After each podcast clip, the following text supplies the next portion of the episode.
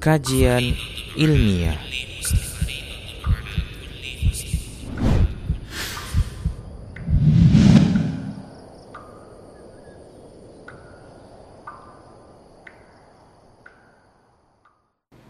Assalamualaikum warahmatullahi wabarakatuh. Innal hamdalillah nahmaduhu wa nasta'inuhu wa nastaghfiruh ونعوذ بالله من شرور أنفسنا وسيئات أعمالنا. من يهده الله فهو المهتد ومن يضلل فلن تجد له وليا مرشدا. أشهد أن لا إله إلا الله وحده لا شريك له وأشهد أن محمدا عبده ورسوله الذي لا نبي بعده. وقال الله سبحانه وتعالى يا أيها الذين آمنوا اتقوا الله حق تقاته ولا تموتن الا وانتم مسلمون يا ايها الذين امنوا اتقوا الله وقولوا قولا سديدا يصلح لكم اعمالكم ويغفر لكم ذنوبكم ومن يطع الله ورسوله فقد فاز فوزا عظيما يا أيها الناس اتقوا ربكم الذي خلقكم من نفس واحدة وخلق منها زوجها وبث منهما رجالا كثيرا ونساء. واتقوا الله الذي تساءلون به والأرحام. إن الله كان عليكم رقيبا. أما بعد نصدق الحديث كتاب الله وخير الهدي هدي محمد صلى الله عليه وسلم وشر الأمور محدثاتها وكل محدثة بدعة وكل بدعة ضلالة وكل ضلالة في النار. Ma'asyar muslimin para pemirsa dan para pendengar di mana pun anda berada Alhamdulillah pada hari Senin ini kita kembali melanjutkan kajian kita sunnah-sunnah harian di mana yang lalu kita telah bahas 10 sunnah-sunnah mulai dari bangun tidur kodo hajat menggosok gigi berpakaian bersisir dan seterusnya. Hingga akhirnya kemarin kita telah membahas terkait dengan sunnah-sunnah yang perlu kita perhatikan ketika kita akan keluar rumah. Terutama bagi perempuan. Untuk uh, sore hari ini, insya Allah kita akan bahas sunnah-sunnah yang terkait dengan Eh, perjalanan ataupun di jalan.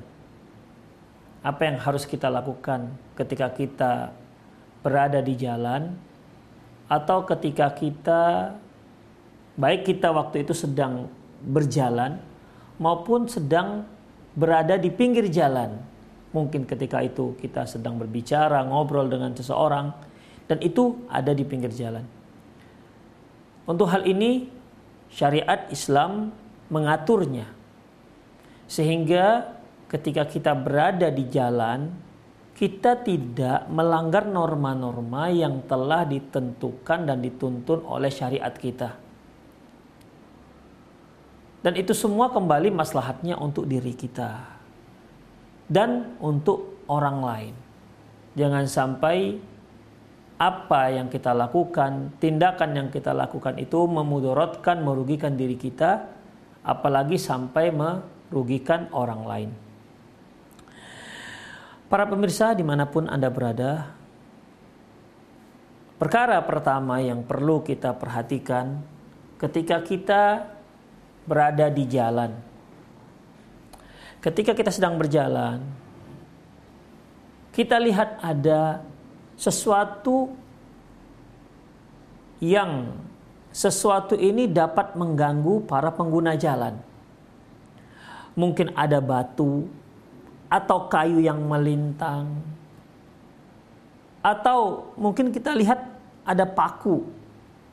Di mana ini paku kalau mengenai ban orang yang melintas akan mengalami kebocoran. Apa yang kita lakukan? Sikap apa yang kita lakukan ketika kita melihat seperti itu? Dalam sebuah hadis yang diriwayatkan oleh Imam Muslim dari Abi Hurairah radhiyallahu anhu, qala Rasulullah sallallahu alaihi wasallam, al-imanu bid'u wa sittuna syu'bah. Iman itu ada 63 cabang. Dalam riwayat yang lain bid'u wa sab'una syu'bah. Ada 73 cabang fa'alaha qawlu la ilaha illallah. Cabang yang paling tinggi, yang paling istimewa dia adalah ucapan la ilaha illallah. Wa adnaha dan cabang iman yang paling rendah imatatul adza anit tariq yaitu menyingkirkan gangguan dari jalan umum apa saja gangguannya? Ikhwah coba perhatikan. Dalam hadis ini Rasulullah Shallallahu Alaihi Wasallam menyatakan, ya, menyatakan bahwasanya menyingkirkan gangguan sesuatu yang mengganggu pengguna jalan dari jalan raya itu merupakan tingkat keimanan cabang keimanan yang paling rendah. Oleh karena itu, ikhwah, kalau ada seorang yang melihat sesuatu yang mungkin mengganggu, ada apa namanya? Ada potensi untuk mengganggu orang yang lewat. Namun kita biarkan saja. Ya. Atau kita mikir, yang penting bukan saya yang terganggu. Atau kita lihat ada kayu yang di situ ada pakunya kita lihat ada kayu yang ada pakunya. Kita tahu ini kalau digilas oleh ban mobil atau ban apa aja, dia akan bocor. Ban akan bocor.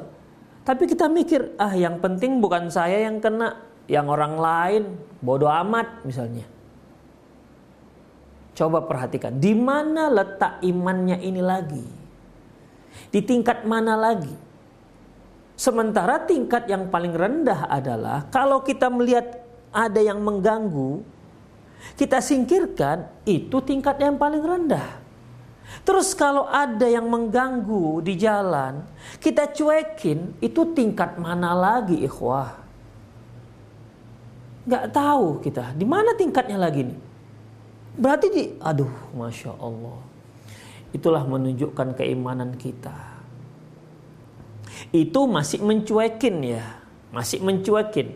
Gimana lagi kalau malah dia yang meletakkan gangguan itu? Misalnya dia buang sampah di tengah jalan. Kan ada kita lihat di daerah-daerah ya. Ya di kota-kota juga sih ada buang sampah di tengah jalan. Dia ambil plastik sampah rumah tangga dia, kemudian ketika di jalan dia dia tendangkan supaya ya ke tengah jalan. Yang penting sampahnya sudah beranjak dari rumahnya. Astagfirullah. Ini di tingkatan mana lagi ini? Sedangkan kita menyingkirkan gangguan itu saja, keimanan kita yang paling rendah. Cuek aja kita. Itu di bawahnya Malah kita yang membuat Allah Akbar, nggak tahu lagi kita di mana itu. Oleh karena itu ikhafidin rahimani Allah wa iyyakum. Tinggal kita ya, tinggal kita. Kita ini kira-kira di mana sih letaknya? Ya, di mana sih letaknya iman kita ini? Kalau kita lihat misalnya ada orang yang sengaja dia turun mobil, ada dia lihat ada batu, kemudian dia singkirkan batu tersebut dari tengah jalan, atau dia lihat ada kayu, dia singkirkan, sengaja dia turun dari sepeda motornya, sengaja dia turun dari mobilnya. Jangan kita katakan ini orang nggak punya kerjaan, terlalu empati. Ikhwah itu menunjukkan keimanan. Itu menunjukkan tingkat keimanan seseorang. Jangan dikira nggak ada gunanya atau apa namanya apa sekarang yang orang mengatakan pencitraan hendak ikhafidin itu merupakan ya tingkat menunjukkan tingkat keimanan dia. Baik. Hadis ini diriwayatkan oleh Imam Muslim. Imatatul ada anit tariq, menyingkirkan gangguan dari jalan itu merupakan tingkat keimanan yang paling rendah. Hadis lain. Hadis ini diriwayatkan oleh Imam Bukhari dan Muslim masih dari Abi Hurairah radhiyallahu anhu. Qala Rasulullah sallallahu alaihi wasallam kullu sulama minan nas alai sadaqah. Setiap persendian tubuh kita ini setiap persendian tubuh kita ini itu harus disedekahi.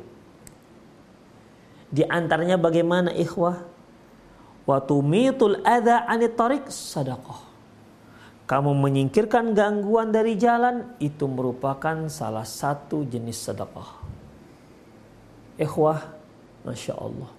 Allah subhanahu wa ta'ala memberikan kita peluang. Setiap orang bisa mendapat peluang sedekah.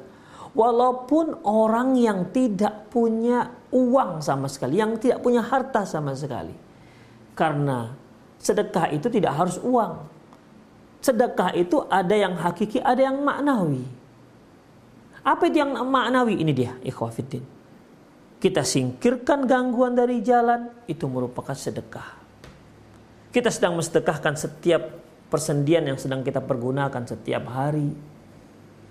Janganlah sampai kita uang tak ada, tidak bisa sedekah. Eh, sedekah maknawi juga tak pandai, bahkan tak berminat. Astaghfirullah. Oleh karena itu ikhwafiddin, menyingkirkan gangguan dari jalan itu juga merupakan sedekah. Hadis lain, ya, hadis lain. Hadis ini diriwayatkan oleh Imam Bukhari Imam Bukhari dari Abi Barzakh. Di mana seorang sahabat datang kepada Rasulullah sallallahu alaihi wasallam bertanya tentang Ya Rasulullah, tunjukkan aku apa yang bermanfaat untukku. Sahabat bertanya kepada Rasulullah. Pertanyaannya, apa yang paling bermanfaat aku lakukan dalam kehidupanku? Fakal Rasulullah sallallahu alaihi wasallam bersabda, "I'zil ada anit nas." Singkirkan gangguan-gangguan dari jalan. Singkirkan gangguan itu agar para pengguna jalan tidak terganggu dengan gangguan-gangguan itu. Apa saja ikhwafidin seperti yang kita katakan tadi. Apakah itu batu, apakah itu paku, apakah kayu atau apa pun dia. Ya. Yang bisa uh, merugikan para pengguna jalan. Selanjutnya ikhwah, hadis lain, hadis ini diriwayatkan oleh Imam Bukhari dan Muslim dari Abi Hurairah radhiyallahu anhu Qala Rasulullah sallallahu alaihi wasallam Marra rajulun bi ghasnil syajarah ala dhahri tariq. Ada seorang kata Rasulullah ketika dia melintas dia lihat ada uh, cabang kayu, cabang pohon, ada pohon yang melintas. Ya. Ada pohon yang melintang di jalan. Saya ulangi, ada seorang yang melintas atau seorang berjalan dia lihat ada kayu yang melintang di jalan. Apakah pohon ya? Atau apalah, apakah ranting pohon yang jatuh ke jalan? Kan biasa tuh kalau kita misalnya pas ada ketika ada hujan lebat eh, kemudian angin kencang, kemudian pohon-pohon di pinggir jalan tuh patah kemudian melintang di tengah jalan. Sehingga membuat orang yang melintas sehingga eh, membuat orang tidak bisa melintas atau minimal terganggu dengan dengan uh, kayu tersebut atau membuat jalan macet gara-gara kayu tersebut misalnya. Kemudian apa yang dilakukan orang ini? Ya. Faqala kata orang ini yang melintas tadi, Wallahi la unhiyanna hadha 'anil muslimin la demi Allah.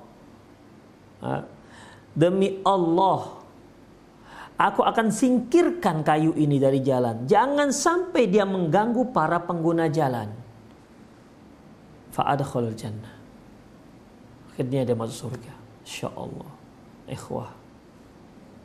Ternyata keikhlasan seseorang itu bisa memasukkan dia ke dalam surga. Walaupun dengan amalan yang kita anggap sepele. Benar kata para ulama kita. Rubba amalus sahir tu'azzimhun niyah. Bisa saja amalan kecil tapi dengan niat, ketulusan niat, hanya mengharap ridho dari Allah. Ini amalan menggunung pahalanya luar biasa. Warubba amalan kabir tusaghiruhun niyah. Bisa saja amalan besar, haji misalnya ya. Haji itu kan besar, agung ibadah haji. Dia menjadi kecil gara-gara niat atau bahkan tidak ada tidak ada nilai sama sekali. Perhatikan ikhwafiddin, orang ini masuk ke dalam surga dikarenakan apa? Dengan ketulusan hatinya, dia singkirkan ranting kayu yang mengganggu jalan, yang melintang di jalan. Insya Allah. Makanya ikhwafiddin, apa kata Ibnu Qayyim rahimahullah? Jangan anggap sepele dengan amalan Jangan anggap sepele dengan satu amalan. Karena kamu tidak tahu amalan mana yang masukkan kamu ke dalam surga. Tak tahu. Makanya lakukan apa yang bisa kita lakukan. Laksanakan apa yang bisa kita laksanakan. Jangan anggap sepele dengan satu amalan. Mungkin para pemirsa masih ingat Kisah seorang pelacur yang memberi minum se seekor seekor anjing yang kehausan. Seorang pelacur dia. Kalau boleh kita katakan ya sampahnya masyarakat lah itu pelacur. Kemudian hewan yang diberi minum anjing. Najis besar. Di mana air liurnya itu kalau mengenai bejana kita dicuci sampai tujuh kali. Ulahun nabi turab. Yang salah satunya dengan dengan tanah itu anjing. Jadi yang memberikan minum seorang pelacur yang diberi minum seekor anjing. Tapi ternyata dengan ketulusan dia Allah masukkan dia ke dalam surga si wanita pelacur tersebut. Rahimanallah wa Jadi jangan anggap sepele dengan satu amalan. Dalam hadis yang lain, hadis ini diriwayatkan oleh Imam Muslim masih dari Abu Hurairah radhiyallahu anhu Qala Rasulullah sallallahu alaihi wasallam laqad ra'aitu rajulan yataqallabu fil jannati fi syajarati qata'aha min dhahri tariq kanat tu'dhin nas. Sungguh aku melihat seorang yang ke sana kemari dalam surga. Masya Allah. Kita ikhwafiddin dalam dalam surga terserah mau ngapain lagi. Tinggal mau ingin apa. Mau ingin buahan, buahnya datang. Bukan kita yang mencari. Ya. wadanal wadanal jannat dan.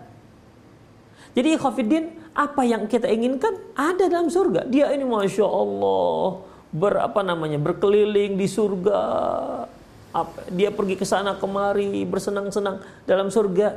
Tahu nggak apa sebabnya orang ini masuk ke dalam surga? Apa kata Rasulullah itu dikarenakan dia pernah memotong memotong pohon yang melintang. Jadi pohonnya tumbang, melintang di jalan sehingga mengganggu orang yang lewat. Dia inilah yang motong pohon tersebut ya dan menyingkirkannya dari tengah jalan. Insya Allah. Satu amalan yang mungkin banyak orang menganggap sepele. Ikhafidin, para pemirsa di mana pun Anda berada, cobalah ya, cobalah. Ketika kita melintas satu jalan ya semua kita saya kira hampir setiap hari lah kita menempuh sebuah perjalanan. Ya perjalanan pendek atau perjalanan panjang. Mungkin kita ketika itu berjalan ke kedai. Ke kedai ya mungkin hanya mau beli gula. Kita lihat di jalan ada paku singkirkanlah ikhwafiddin singkirkanlah itu menunjukkan keimanan kita kita lihat ada batu yang dalam pikiran kita ini batu kalau dibiarkan ini akan membuat celaka udah singkirkan. Apalagi misalnya, ya kita lihat ada duri misalnya, wah ini duri, ada duri kelapa sawit misalnya, atau duri pohon salak itu kan apa namanya uh, besar besar tuh duri. Ini kalau terpijak seorang muslim bisa melukai kakinya, singkirkan. Masya Allah. Semoga semoga antum, semoga kita yang melakukannya Allah masukkan ke dalam surga. Masya Allah. Itulah yang pertama yang perlu kita perhatikan, menyingkirkan gangguan apa saja dari dari jalan sehingga tidak mengganggu para pengguna jalan. Yang kedua, ikhafidin, ya, yang kedua, tadi kan mengga, me, menyingkirkan apa namanya sesuatu yang dapat mengganggu orang orang pengguna jalan. Yang kedua, berarti kebalikannya, jangan meletakkan sesuatu yang bisa mengganggu orang jalan. Rasulullah Shallallahu Alaihi Wasallam pernah bersabda, hadis ini diriwayatkan oleh Imam Muslim dari Abi Hurairah radhiyallahu anhu. Apa kata beliau? Ittaqul la'inain. Takutlah kalian dengan dua hal yang terlaknat. Dua hal yang dilaknat. Bagi siapa yang melakukan hal ini dilaknat oleh Allah Subhanahu wa taala. Apa itu? Alladhi yatakhalla fi tariqin nas au fi dhillihim yaitu mereka yang kodoh hajat di jalan umum dan yang kodoh hajat di tempat orang-orang tempat teduhan orang-orang ikhwah kalau sudah Rasulullah mengatakan dilaknat itu tandanya dosa besar bukan dosa kecil dijauhkan dari rahmat Allah Subhanahu wa taala jadi mereka yang melakukan kodoh hajat, buang hajat di jalan. Masya Allah bilah min dalik. Coba bayangkan, kita melintas jalan. Eh, di pinggir jalan ada seonggok kotoran manusia. Apa yang ada dalam, yang sedang berkecamuk dalam pikiran kita? Tentu kita mengutuk ini orang, ini orang kurang ajar, ini orang kenapa? Oh begitu. Kita bisa meng, apa namanya, uh, me, apa ya namanya, ya mengutuk orang ini. Kok bisa-bisanya buang hajat di sini? Itu ikhafidin. Atau mungkin ada yang nggak buang hajat langsung sih. Dia buang hajat di plastik, dibuang di tengah jalan. Atau pempes anaknya dibuang tengah jalan. Astagfirullah. Terlaknat ini orang. Terlaknat ikhafidin. Cobalah pikir. Seandainya ada orang yang buang hajat tengah jalan atau dia yang melakukan hajat kodo hajat langsung tengah jalan. Atau di pinggir jalan yang penting di jalan. Lantas ketika dia jalan terpijak dia kotoran itu. Apa yang dia lakukan? Kalau dia tidak suka diperlakukan seperti itu jangan memperlakukan orang lain seperti itu. Maka la yu'minu ahadukum hatta yuhibba li akhihi ma yuhibbu nafsi. Tidak beriman salah seorang kalian sampai dia mencintai saudaranya seperti dia mencintai dirinya sendiri. Kalau dia tidak suka diperlakukan seperti itu, jangan perlakukan orang lain seperti itu. Jangan. Orang juga tidak suka diperlakukan seperti itu. Makanya wajar kalau orang yang buang hajat di tengah jalan dilaknat oleh Allah. Setiap orang yang lewat akan mengutuk dia. Kemudian yang kedua, yang buang hajat di tempat-tempat teduhan. Yang biasa di teduhan. Di mana orang biasa berteduh? Di bawah pohon, di halte. Ikhwah, Masya Allah. Berapa banyak sekarang halte-halte aroma halte tempat nunggu bus itu aromanya aroma pesing. Dikarenakan halte dijadikan tempat buang hajat, tempat buang air kecil. Sehingga orang yang seharusnya bisa menunggu bus di situ dengan nyaman menjadi tidak nyaman gara-gara aroma pesing yang dia yang orang yang melakukan buang hajat di situ. Bahkan ada yang tega-teganya di sudut sana dia buang hajat tengah jalan, tengah malam. Sehingga orang nggak bisa lagi menggunakan tuh halte. Astagfirullah. Ikhwafiddin. Hati-hati. Ya, hati-hati. Banyak loh. Ya, banyak sekali halte-halte yang seperti ini. aromanya memang aroma jadi aroma WC jadinya. Itu tempat tuduhan. Itu tempat tuduhan.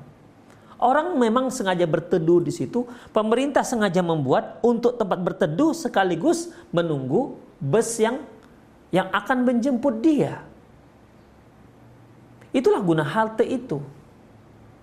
Ya, makanya hati-hati. Atau di pohon, di bawah pohon, Intinya tempat orang yang biasa berteduh dari panas, ya panas orang berteduh di pohon, maka jangan janganlah buang hajat di sana. Baik buang hajat besar maupun buang hajat kecil. Jangan. Ya. Oleh karena itu ikhwatiddin rahimanallah wa iyyakum ittaqul la'inain. Hati-hati kalian, jauhi kalian dengan dua hal yang terlaknat. Di antaranya tadi apa? Yaitu buang hajat di di jalan. Yang kedua, yang ketiga yaitu terkait dengan kalau kita di jalan itu kan banyak yang dia lihat. Apalagi kita di Indonesia astagfirullah di Indonesia ini ikhwah masih banyak orang-orang kaum akhwat kita kaum perempuan yang membuka auratnya. Ya yang membuka auratnya terutama di perkotaan apalagi mereka yang uh, suka berjalan di mall banyak sekali di sana aurat yang terbuka. Jadi bagaimana? Kalau kita berada di jalan, ya, ya kan kita ketika kita mau pergi kerja, mau nggak mau kan harus dari jalan. Maka ghaddul basar, tundukkan pandangan. Ya, tundukkan pandangan. Allah Subhanahu wa taala firman dalam surat Al-Mu'minun. Uh, surat An-Nur ya. Surat Nur ayat 30 wa kullil mu'minina yaghuddu min absarihim wa yahfadhu furujahum. Katakan kepada orang-orang mukmin ya Muhammad agar mereka menundukkan pandangannya dan menjaga kemaluannya wa kullil mu'minati yaghdudna min absarihinna wa yahfadhna furujanna jadi ada dua ya katakan juga kepada kaum wanita mukminah agar mereka tundukkan pandangan dan jaga kehormatan mereka. Menundukkan pandangan. Ya kecuali kalau seandainya akan berbahaya, dia tundukkan begitu sampai nabrak tiang listrik, nah itu berarti tentu kurang tepat nunduknya.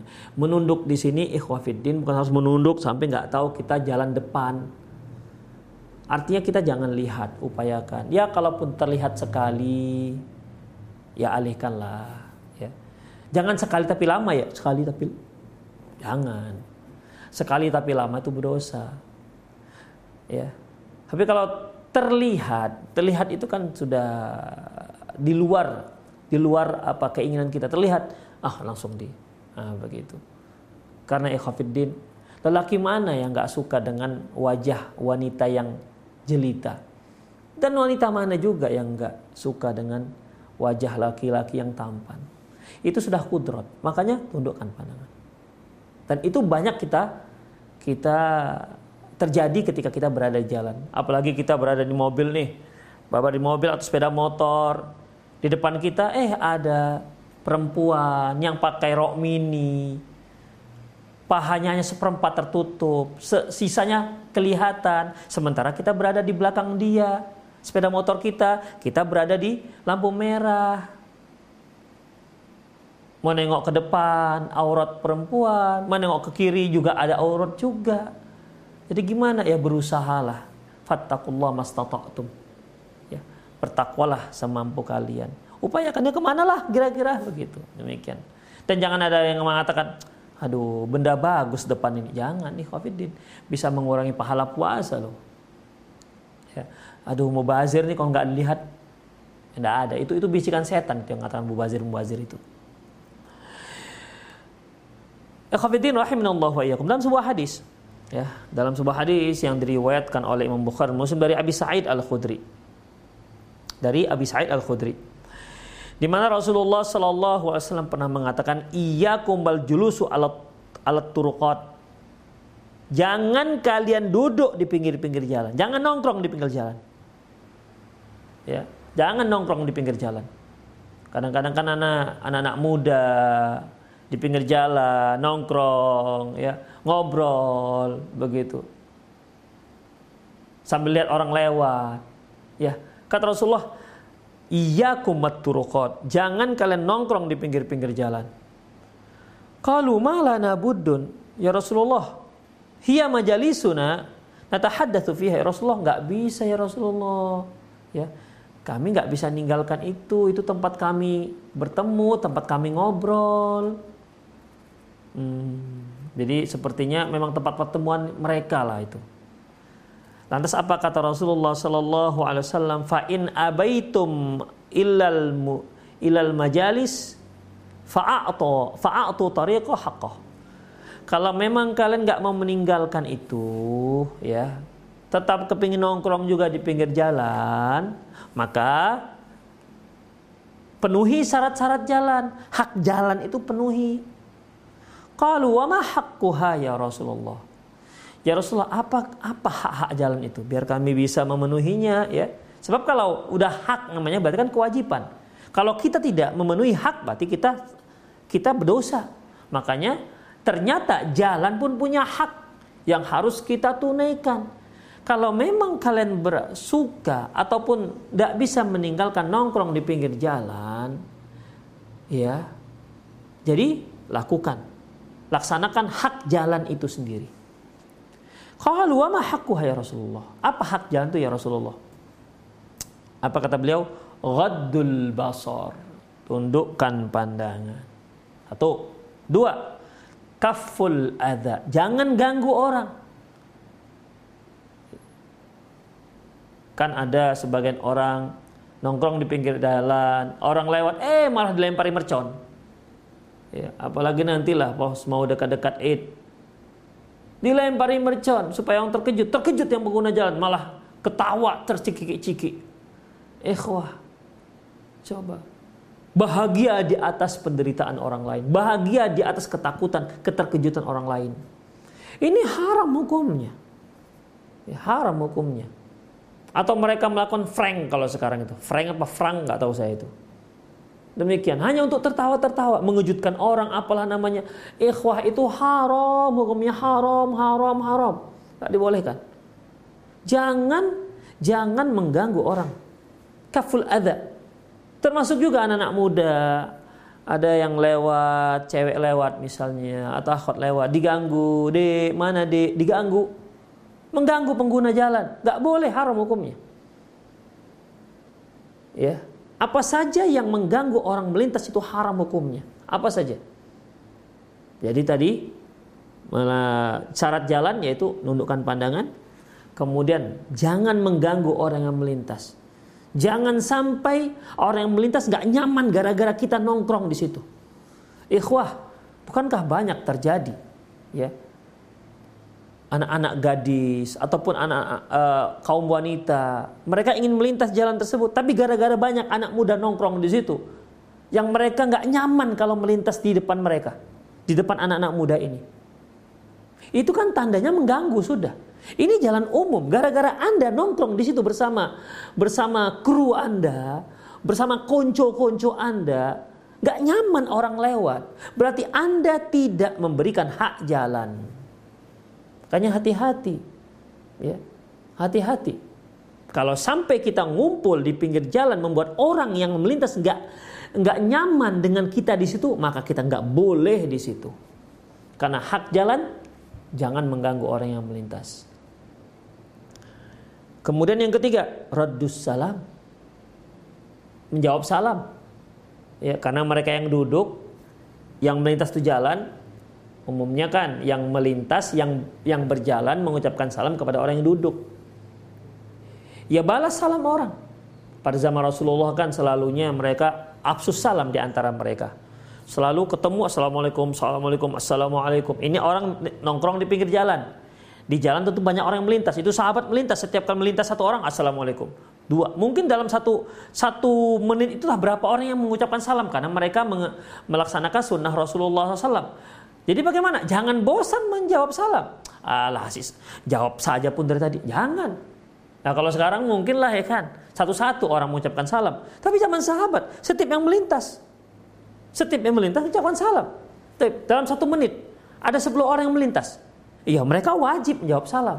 Jangan malas, jangan Aduh capek dah. Kalau capek, letih menjawab salam, jangan nongkrong di pinggir jalan. Cari tempat lain. Nongkrong di rumah Anda. Begitu ikhwafiddin. Ya. Jadi jangan merasa capek menjawab salam. Ah, raddus salam. Ya, raddus salam. Jawab salam. Wal amru bil ma'ruf. Amar ma'ruf. Wan nahi 'anil munkar dan melarang kemungkaran. Jadi kalau ada orang yang nongkrong pinggir jalan nih, ada mbak-mbak lewat pakai rok mini misalnya, uh, itu harus ada satu orang ngasih tahu, mbak, nggak boleh loh mbak, maaf ya mbak, ini ini nggak boleh, ini berdosa, ini aurat harus ada, nggak bisa lewat gitu aja, ya. Sanggup nggak anda? Wahai para orang-orang yang hobi nongkrong di pinggir jalan, sanggupkah melaksanakan hak ini? Kalau nggak sanggup silahkan beranjak dari sana. Ustadz tempatnya kozi, mau kozi sebagai apa pun, ya, ya, nggak boleh nongkrong di situ kalau kita nggak sanggup melaksanakan haknya. Apa tadi haknya? Tundukkan pandangan, kemudian kaful ada, jangan ganggu orang lewat, radus salam, yaitu menjawab salam, amar ma'ruf, menyuruh berbuat ma'ruf dan melarang ke kemungkaran. Ada lima, itu haknya. Jadi silakan yang memang kepengen mereka hobinya nongkrong di pinggir jalan, silakan. Silakan tapi laksanakan hak ini. Ini hak. Kalau seandainya tidak tidak sanggup, silakan cari tempat nongkrong yang lain. Jangan di pinggir jalan, entah di pinggir hutan lah, entah di di rumah lah, entah di mana lah, serahkan. Itu ikhwatiddin. Ya. Kemudian selanjutnya ikhwatiddin rahimani Allah wa iyyakum hidayatus sabil. Ini kalau kita lagi di jalan, ada yang nanya, Bang, alamat ini di mana bang?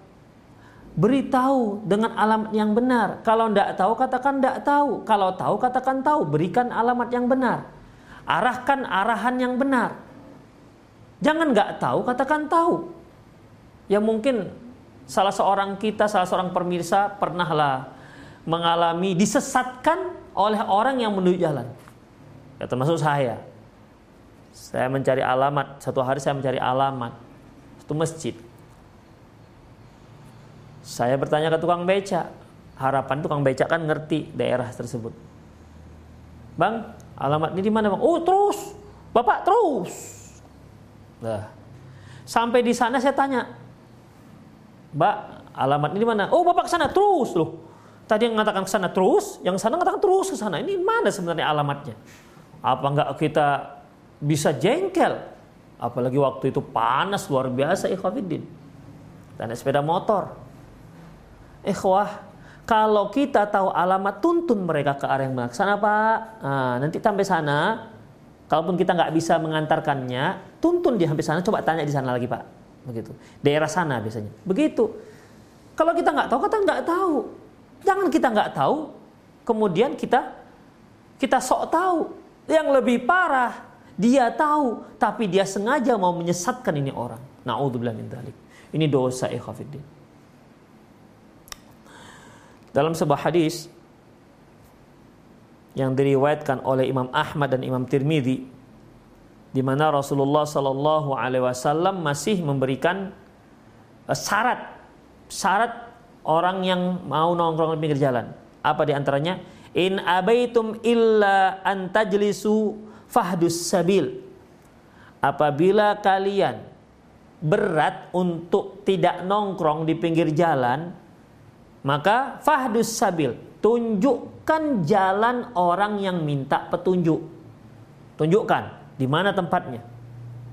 Kemudian waraddus salam, jawab salam, balas salam, wa'inu al-madlum dan tolong orang yang terzolimi.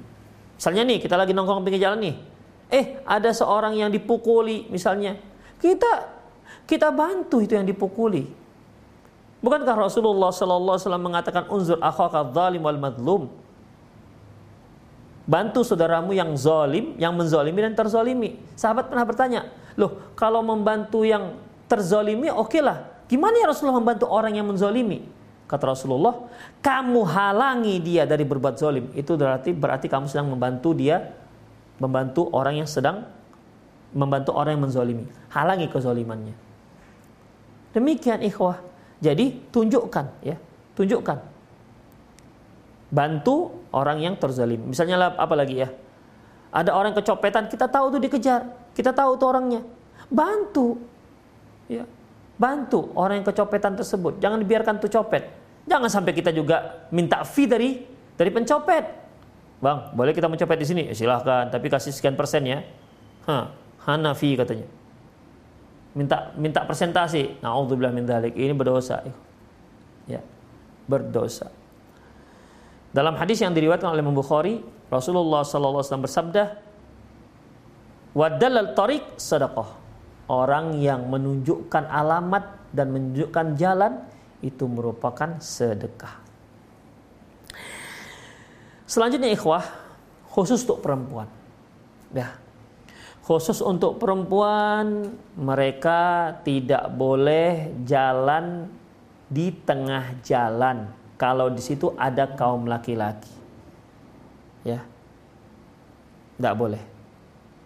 Mengapa demikian ikhwafiddin? Dahulu jalan itu kan memang banyaknya pengguna jalan itulah berjalan kaki. Ya jarang-jarang orang mengendarai kuda atau unta kecuali kalau mereka mau keluar. Karena kota waktu itu juga kota-kota kecil ya yang bisa dicapai dengan jalan kaki. Tapi kalau seandainya berpapasan perempuan dengan laki-laki. Yang perempuan ini jangan nantang. Jangan sampai laki-laki yang nyingkir. Jadi gimana perempuan yang nyingkir pinggir jalan? Masya Allah, adab Islam luar biasa. Ya. Coba bayangkan kalau ada perempuan nantang begitu depan kita laki-laki. Depannya laki-laki, kan kita katakan, aduh ini serem nih perempuan nih. Begitu. Coba dia yang ngalah, dia yang ke pinggir, menunjukkan nih masya Allah perempuannya. Ya. Dalam hadis yang diriwayatkan oleh Imam Baihaqi Rasulullah sallallahu alaihi wasallam bersabda laisa lin nisa wasatut tariq. Wanita uh, tengah jalan itu bukan untuk kaum wanita. Tengah jalan untuk kaum laki-laki ya kalau sekarang ini kan nggak seperti itu lagi kondisinya Enggak pula kita katakan yang perempuan pinggir-pinggir jalannya naik mobil dia pinggir-pinggir. Nah, ya. Ini ceritanya kalau memang jalan itu seperti yang dahulu. Ya bisa juga sih kalau seandainya kita berjalan di trotoar tuh, ya. Ada perempuan dan laki-laki, ya yang menyingkir itu perempuannya bukan laki-lakinya. Ya, yang menyingkir perempuannya bukan lelakinya. Dalam hadis yang lain yang diriwayatkan oleh Imam Abi Daud, Qala sallallahu alaihi wasallam zajiran nisa. Nabi SAW mencela kaum wanita yang nggak mau mengikuti aturan seperti itu. Apa kata beliau? Istaakhirna, kalian nyingkir kata Rasulullah. Fa innahu laisa lakunna an antuhaqiqna tariq. Bukan hak kalian itu. Bukan hak kalian tengah-tengah jalan. Alaikun nabi hafati tariq. Jalanlah kalian di di pinggir-pinggir jalan. Kemudian ikhwafiddin terakhir yaitu kita para pengguna jalan ataupun kita yang berada di jalan. Kalau di sana ada rambu-rambu ya. Kalau di sana ada rambu-rambu lalu lintas, taatilah rambu-rambu lalu lintas tersebut. Seperti kita melihat ada traffic light, ada lampu merah, hijau dan kuning dan hijau hijau berjalan, kuning siap-siap berhenti atau siap-siap berjalan, merah berarti berjala, merah berarti berhenti. Jadi taatilah ini. Para ulama seperti Syekh Bimba, Syekh Utsaimin, ya Syekh Masyekh ketika ditanya apa hukumnya mematuhi mematuhi rambu lalu lintas ini, mereka katakan wajib. Karena itu termasuk dalam uh, rangkaian taat kepada ulil amri. Allah mengatakan Allah wa atiur rasul wa ulil amri minkum. Taati Allah dan taati Rasul dan para pemimpin kalian dan atau para pemerintah kalian. Kita mentaati pemerintah kita selama mereka tidak menyuruh kita berbuat maksiat. Karena la ta'ata fi makhlukin fi ma'siyatil khaliq. Innama ta'atu fil ma'ruf. Tidak ada ketaatan dalam tidak ada ketaatan kepada makhluk untuk mendurhakai Allah. Sungguhnya ketaatan itu hanya untuk yang kebaikan. Ya selama tidak menyuruh mereka para pemerintah tidak menyuruh berbuat maksiat, kita wajib mentaati termasuk rambu-rambu lalu lintas. Dan itu semua juga maslahatnya kembali kepada kita. Jangan ada yang mengatakan, aduh lampu lampu merah itu belum merah tuh masih merah jambu misalnya. Ya, kita lintasi saja. Anda sedang men, akan mencelakakan diri Anda. Wala tulku anfu, la tulku aydiyakum ila tahlukah. Wala tulku anfusakum wala tulku bi aydikum ila tahlukah. Jangan kalian jangan kalian campakkan diri kalian dalam kebinasaan. Makanya patuhilah rambu-rambu lalu lintas tersebut. Merah berhenti. Enggak ada merah jambu. Ya. ada merah tua yang ada. Merah berhenti. Hijau, kuning siap-siap jalan. Hijau jalan. Kemudian kuning siap-siap berhenti, merah berhenti. Demikian ikhafidin. Ya. Itu untuk keselamatan kita. Demikian rahimani Allahu wa iyyakum. Intinya wajib mentaati rambu-rambu lalu lintas tersebut. Allahu alam bisawab. Itu saja sunnah-sunnah yang terkait dengan jalan. Ya, baik pengguna jalan, orang yang melintas, orang yang nongkrong di pinggir jalan. Semoga ini dapat kita laksanakan dengan sebaik-baiknya. Demikian aku qauli hada wastaghfirullah li wa lakum. Muslimin innahu wal rahim. Bagi para pemirsa dan pendengar yang bertanya silakan layangkan pesan Anda ataupun pertanyaan Anda di nomor kontak 0895 6113 27778 saya ulangi 0895 enam. Satu satu tiga dua tujuh tujuh tujuh delapan. Ya kirimkan pertanyaan anda di 0895 6 113 27778 Taib sudah ada yang masuk? Assalamualaikum warahmatullahi wabarakatuh. Ustadz saya ingin bertanya Apakah orang yang berzina di bulan Ramadan Siang atau malam wajib membayar kafarah seperti suami istri yang jima di siang hari. Ikhwah, bertakwalah kepada Allah Subhanahu wa taala. Ramadan bulan yang penuh hikmat, bulan yang penuh berkah. Allah Subhanahu wa taala melipat gandakan setiap perbuatan baik. Melipat gandakan pahala yang amalan baik yang kita lakukan.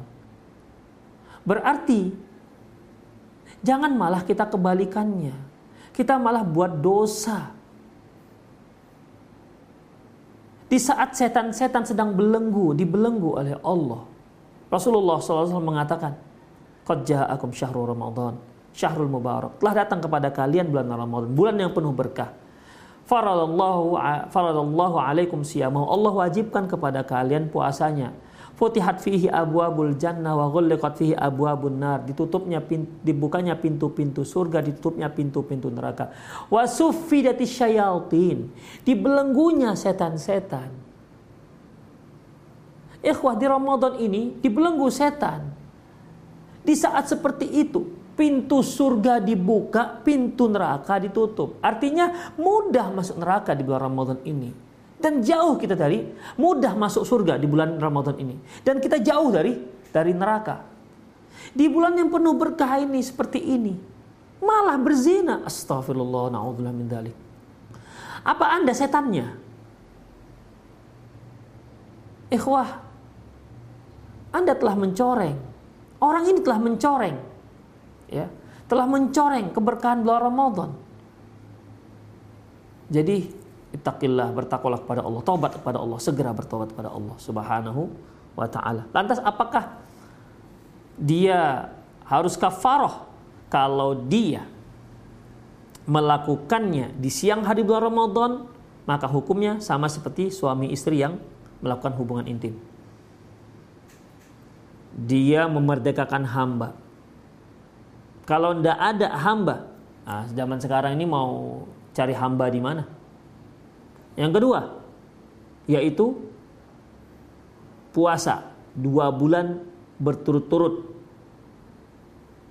Kalau dia nggak sanggup, maka it'amu sitina masakin.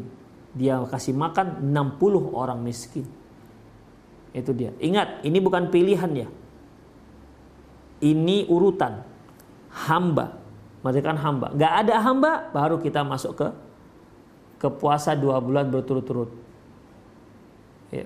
Kalau memang sudah nggak sanggup berpuasa dua bulan berturut-turut, maka dia beri makan fakir miskin sebanyak 60 orang. Demikian ikhwafiddin. Ya. Dia juga harus melakukan kafarnya. Tapi kalau seandainya dia lakukan Na'udzubillah dia berzina di malam hari Ramadan maka dia nggak kafaroh. Tapi ingat kalau ada hukum Islam tegak jika si pelakunya ini yang sudah berumah tangga dihukum rajam sampai mati, di, ditanam uh, badannya hingga setengah, tutup kepala dilempar sampai mati. Itu kalau sudah berumah tangga, laki perempuan sama. Kalau dia belum berumah tangga, masih lajang atau masih gadis, maka dia cambuk 100 kali. Cambuknya bukan cambuk satu, dua, bukan begitu. Dicambuk betul. Ya, makanya ada yang meninggal setelah dicambuk 100 kali, ikhwah. Ya. Jadi oleh karena itu, kalau yang terkait dengan masalah kafaroh, ya, kalau dia lakukan itu di siang hari, maka dia wajib kafaroh. Tapi kalau dia melakukan di malam hari maka tidak ada kafaroh bagi dia. Allahu a'lam bissawab.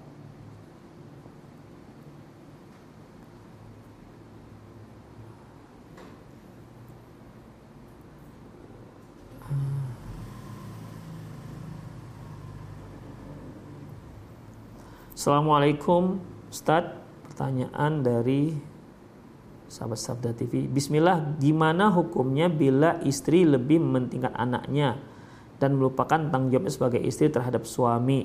Contoh tidak melayani masalah ranjang barakallahu fik. Ikhwah dalam masalah ini nggak bisa jawabannya iya atau tidak gimana atau gimana. Nggak begitu.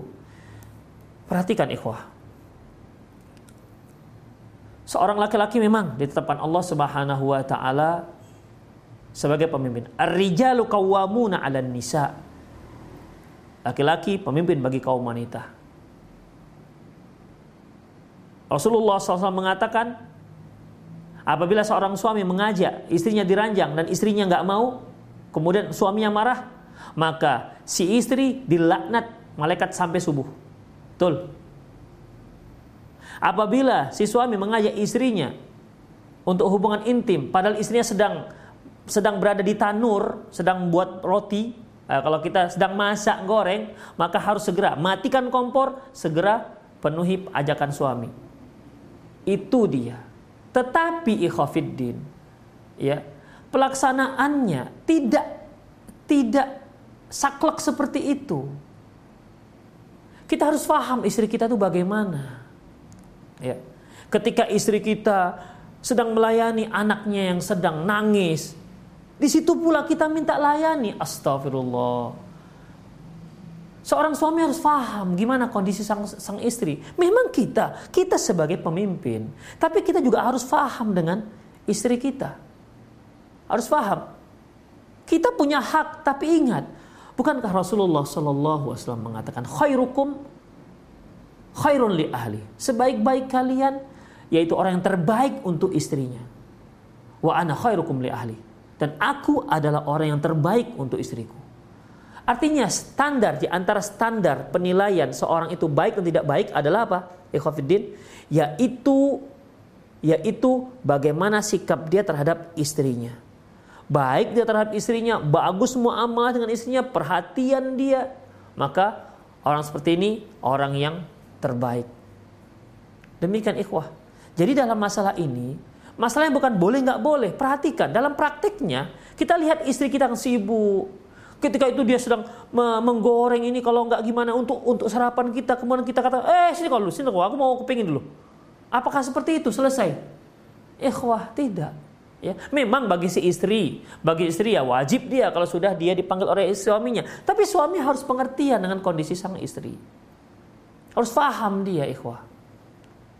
Istri sedang cebokin anaknya, sedang ganti popok anaknya, atau sedang bobokkan anaknya, si suami maksa, kau pilih dia atau aku. Astagfirullah. Ini bukan pilihan. Ya, ini bukan pilihan. Coba Rasulullah Shallallahu Alaihi Wasallam apa kata Aisyah ketika ditanya, Apa yang dilakukan Rasulullah ketika beliau di rumah? Apa kata Aisyah? Karena fi mihnati ahli. Dia membantu kerjaan istrinya. Memang masak bukan tugas kita. Nyapu rumah bukan tugas kita. Tugas istri. Tapi orang yang suami yang terbaik, dia bantu itu. Ya. Tugas istri itu bukan bukan bukan masalah yang ringan. Istri juga punya tugas yang berat, ikhwah fiddin. Makanya ikhwah, makanya ketika suami itu sebagai kawam, pemimpin, maka yang harus perhatikan pertama apa? Yaitu tarbiyah. Dia mendidik. Seorang pendidik harus memberikan contoh yang baik kepada yang dididik. Kemudian apalagi ikhwafiddin? Uh, at-tarbiyah Kemudian al-himayah, perlindungan. Terutama dia harus melindungi istrinya dari melindungi istrinya dari api neraka. Di samping dari hal-hal yang lain yang memudaratkan. Yang ketiga, ar-riayah, perhatian. Perhatian. Rasulullah SAW ketika berangkat dengan istrinya ke Mekah untuk melakukan haji, di tengah jalan Aisyah radhiyallahu anha menangis. Rasulullah tanpa tanya langsung sudah faham. Ahid anufisti anti, kamu sedang haid ya? Padahal Aisyah belum bicara sedikit pun, hanya nangis. Begitu seharusnya seorang istri, dia begitu seharusnya seorang suami, dia mengetahui kondisi istrinya. Jadi dalam masalah ini bukan masalah boleh nggak boleh, bukan begitu ikhwah.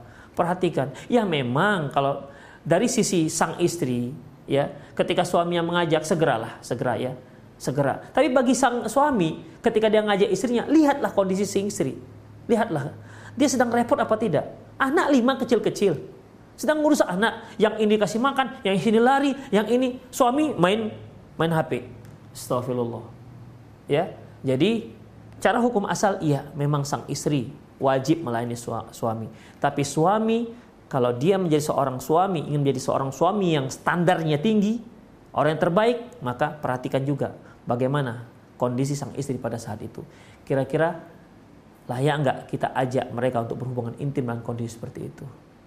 Demikian ikhwatiddin, waktu kita sudah melewati ya, semoga apa yang Allah Subhanahu apa yang telah kita sampaikan bermanfaat.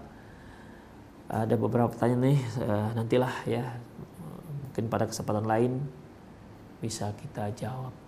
Demikian ikhwah, semoga apa yang kita sampaikan dapat menambah keimanan kita, terutama yang kajian hari ini yaitu bagaimana kita di jalan, ya kita bersama teman, gimana lah ya supaya kita di jalan itu benar-benar sesuai dengan tuntunan sunnah Rasulullah Sallallahu Alaihi Wasallam. Demikian lebih dan kurang mohon maaf. Aku luka lihada wa astaghfirullah li wa muslimin innahu al ghafur rahim. Uh, subhanakallah wa bihamdik asyhadu an la ilaha illa anta astaghfiruka wa atubu. Jangan lupa jaga jarak, jauhi kerumunan dan di rumah saja. Assalamualaikum warahmatullahi wabarakatuh.